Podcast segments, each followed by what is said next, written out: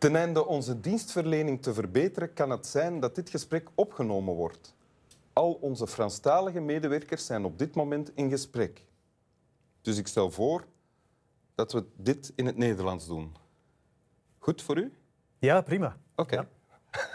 Welkom in Winteruur. Ja, dank u Wim. Martijn Heilen. Yep. Eh, ik ga je voorstellen nu. Hè? Ja, Ik, Ben noem, benieuwd. ik noem jou journalist, ja, is goed. ja. Eh, reportagemaker, documentairemaker, Allemaal goed. tv-maker, Ook eh, schrijver. schrijver. Ik heb wel wat boeken, eh, een stuk of vijf geschreven, maar, maar ik vind me zo niet echt een schrijver die, die zo eh een Dus jaar je stuk... ontkent dat je schrijver bent. Nee, nee, nee, dat, dat ook weer niet. Maar zo, allee, ja, kom. Oostende- Niet 100 procent. Oostendenaar? Ja, ja, zeker. Zeker, zeker. Ja. Voetbalsupporter, KVO ook. ja. Hoewel je een inwijkeling bent daar. Hè? Ze noemen dat daar aangespoeld. Ja, aangespoeld vanuit het Meetjesland, denk ik. Ja, ja, ja, ja. Inderdaad. Oost-Eeklo. Ja. Dat is mijn eh, geboortedorp. Ja. En je hebt een tekst bij. Ja, Wim. Ik heb een tekst bij dat, eh, die ik gevonden heb in een boek van Herman de Koning. Ja. De Gedichten, een verzamelboek. Maar het is niet van Herman de Koning. Ik had er ook een van hem kunnen eh, kiezen. Maar zal ik hem voorlezen eerst? Hoezo, het is niet van hem, maar het staat wel in een boek met gedichten van... Hij heeft het vertaald of Hij heeft het vertaald. Ah, ja, ja. ja, het is van Edna St. Vincent Millay. Oké. De spoorbaan ligt mijlen verder daarbuiten. De kamer is vol vrolijk gepraat. En toch hoor ik die ene trein die er slechts gaat minstens tien keer per dag fluiten. De hele nacht komt er geen trein voorbij. De hele nacht is stil van slapen en van kreunen. En toch zie ik de rode gensters uit zijn schouw en hoor ik zijn machines steunen. Mijn hart is vol van vrienden en van jou. Beter gezelschap vind ik nooit meer in dit leven. En toch is er geen trein die ik niet nemen zou. Waarheen is mij om het even. Oké, wat staat er in dit gedicht? Ik lees de, in de eerste strofe gelijk, dus de spoorbaan ligt mijlen ver daarbuiten, de kamer is vol vrolijk gepraat. Dus het is Ja. gezellig hier, het is goed hier. Ja, ja. En toch, dat komt drie keer terug in het gedicht. En toch. Ja, en toch, ehm, die eerste zinnen, daarin herken ik wel wat veel mensen zullen herkennen, denk ik, dat je onder vrienden bent, in gezelschap bent, op een receptie bent, op een feest bent, maar dat je in feite alleen voelt, of dat er iets in jou aan het broeien is van, ik wil eigenlijk wel ook weg. Ja. Ja, ik ben blij, maar ik zou ook weg willen. Ik zou het eerst over die, die, dat eerste stuk nog willen hebben. Oké. En toch hoor je de hele tijd de trein die er slechts gaat. Ondanks dat er één, maar één trein gaat, hoor je hem tien keer fluiten. Ja. Voor mij gaat dit gedicht eigenlijk over eh, een gevoel dat ik in mij heb. Een soort DNA. Ik zou het graag, het, het, het- oh, graag, ik noem het het ondeelbare stukje dat in jezelf zit. Mhm. Dat is iets ondeelbaars en met wie je je ook ooit nog verbindt, toch zul je altijd dat ene kleine stukje in jezelf hebben. En bij mij is dat een soort van rusteloosheid ehm, om weg te gaan Om weg te gaan. of om mij niet te binden. Ik zie heel graag mensen en ik ben er heel graag tussen. Dat is ook de reden dat ik van een dorpje dat in de winter heel stil wordt, naar de stad gegaan ben. Vooral voor de winter. Omdat ik graag mensen zie. Maar ik sta er heel graag buiten. En daarbuiten staan, dat kan zijn dat ik mij terugtrek in, in ons kleine oaseke dat mijn vrouw en ik gecreëerd hebben. Maar het kan ook zijn dat ik weg wil. En dat weg willen, dat is ook omdat ik uit die gemeenschap even moet zijn. Uit het land letterlijk eh, moet zijn. En dat heeft ertoe geleid dat, ik in Oost, eh, dat wij in Oostende gaan wonen zijn, omdat, omdat ik daar als enige plek in België het gevoel heb dat ik weg ben.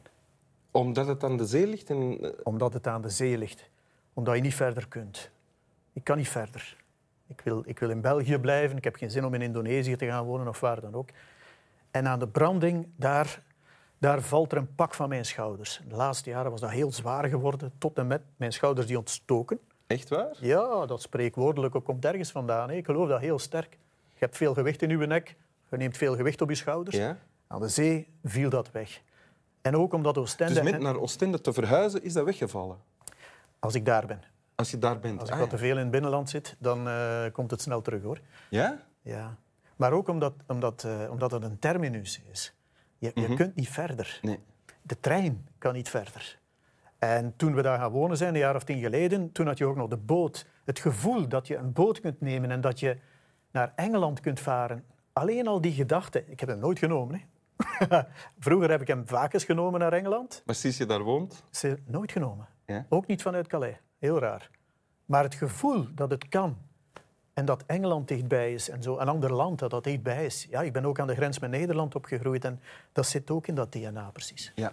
Mijn hart is vol van vrienden en van jou. Bij beter gezelschap vind ik nooit meer in dit leven. Zo begint de laatste strofe. Ja. Dus eigenlijk is alles perfect. Jullie zijn alles, allemaal... Het klopt. En toch is er geen trein die ik niet nemen zou. Waarheen is mijn motief? Het is, je beschrijft je rusteloosheid. Uh, maar behalve hier niet willen zijn, is er ook gewoon de zin, lees ik in dit gedicht, zin om te reizen, om nieuwe plekken te ontdekken. Ja, ik ben, uh, ik ben vorige week nog in, in, Chelsea geweest. Ik mocht voor uh, Play Sports uh, de sfeer opsnuiven van de Premier League. Dus onderweg, onderweg met een trein van Birmingham, waar we eerst een stuk gedraaid hadden naar Chelsea. En dan hadden we een uur vrij ongeveer. En ik, wat ik dan doe, dat is aan een bushalte gaan zitten. Ik ga niet naar een museum of zo. Eh, sorry voor alle musea. maar ik, ik, ga aan de bushalte Zeg ik namens alle musea? Ah, maar dat is heel vriendelijk. Uh, ik dank u in naam van mezelf. Goed. En nu kunnen we weer verder. Voilà. En, dan, uh, en dan, dan, dan, zet ik me daar en dan kijk ik naar de mensen die passeren en ik vind dat fantastisch.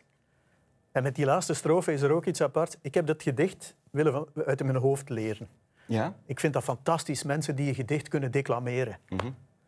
Dus ik wou dat ook doen. Maar op een of andere manier lukt dat niet. Dus ik heb dat opgeschreven, in mijn auto gelegd. En ik heb in heel veel files gestaan in mijn leven, want ik heb toch altijd zo'n 100 kilometer van mijn werk gewoond. Ja. En nooit heb ik dat gedicht uit mijn hoofd kunnen leren.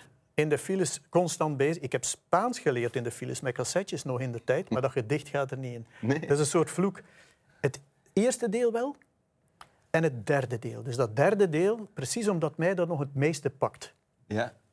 Mijn hart is vol van vrienden en van jou. Ik heb vrienden. Ik heb veel mensen dat ik graag zie. Veel mensen zien mij graag. Mijn vrouw zie ik doodgraag. Mijn kinderen, mijn kleinkind. Dus mijn hart is vol. Beter gezelschap vind ik nooit meer in dit leven. Dat hoop ik. En toch is er geen trein die ik niet nemen zou. Waarheen is mij om het even.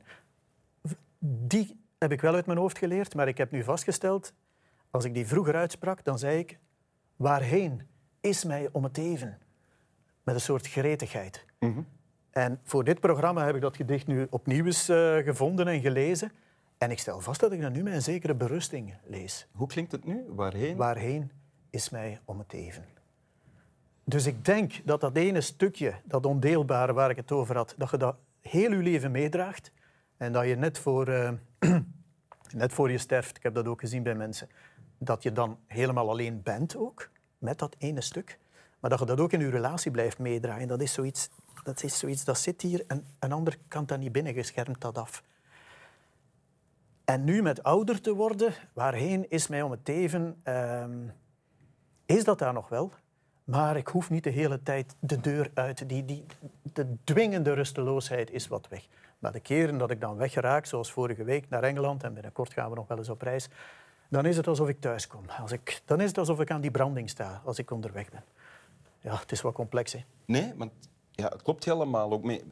Iedereen die weet wie je bent, en ik denk dat dat voor de meeste Vlamingen wel het geval is, herkent natuurlijk jouw reislust ook in alles wat je gemaakt hebt. Het is geen toeval dat je naar Siberië bent geweest en naar Afrika en Nee, daar programma's hebt gemaakt enzovoort. Daar had ik dat Denk ook. ik. Die vlakten en die einders en zo, dat geeft zo'n rust. Ja. Terwijl, terwijl we de hele tijd, elke dag 200, 300 kilometer gereden hebben, weken aan een stuk.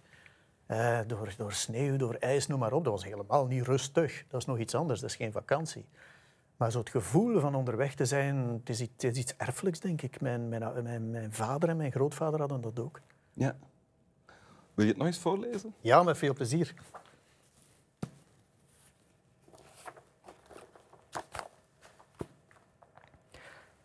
De spoorbaan ligt mijlen verder daarbuiten. De kamer is vol vrolijk gepraat. En toch hoor ik die ene trein die er slechts gaat minstens tien keer per dag fluiten. De hele nacht komt er geen trein voorbij. De hele nacht is stil van slapen en van kreunen. En toch zie ik de rode gensters uit zijn schouw en hoor ik zijn machines steunen. Mijn hart is vol van vrienden en van jou. Beter gezelschap vind ik nooit meer in dit leven. En toch is er geen trein die ik niet nemen zou. Waarheen is mij om het even. Dank u. Dank u, Wim. Slap wel. Slaap wel.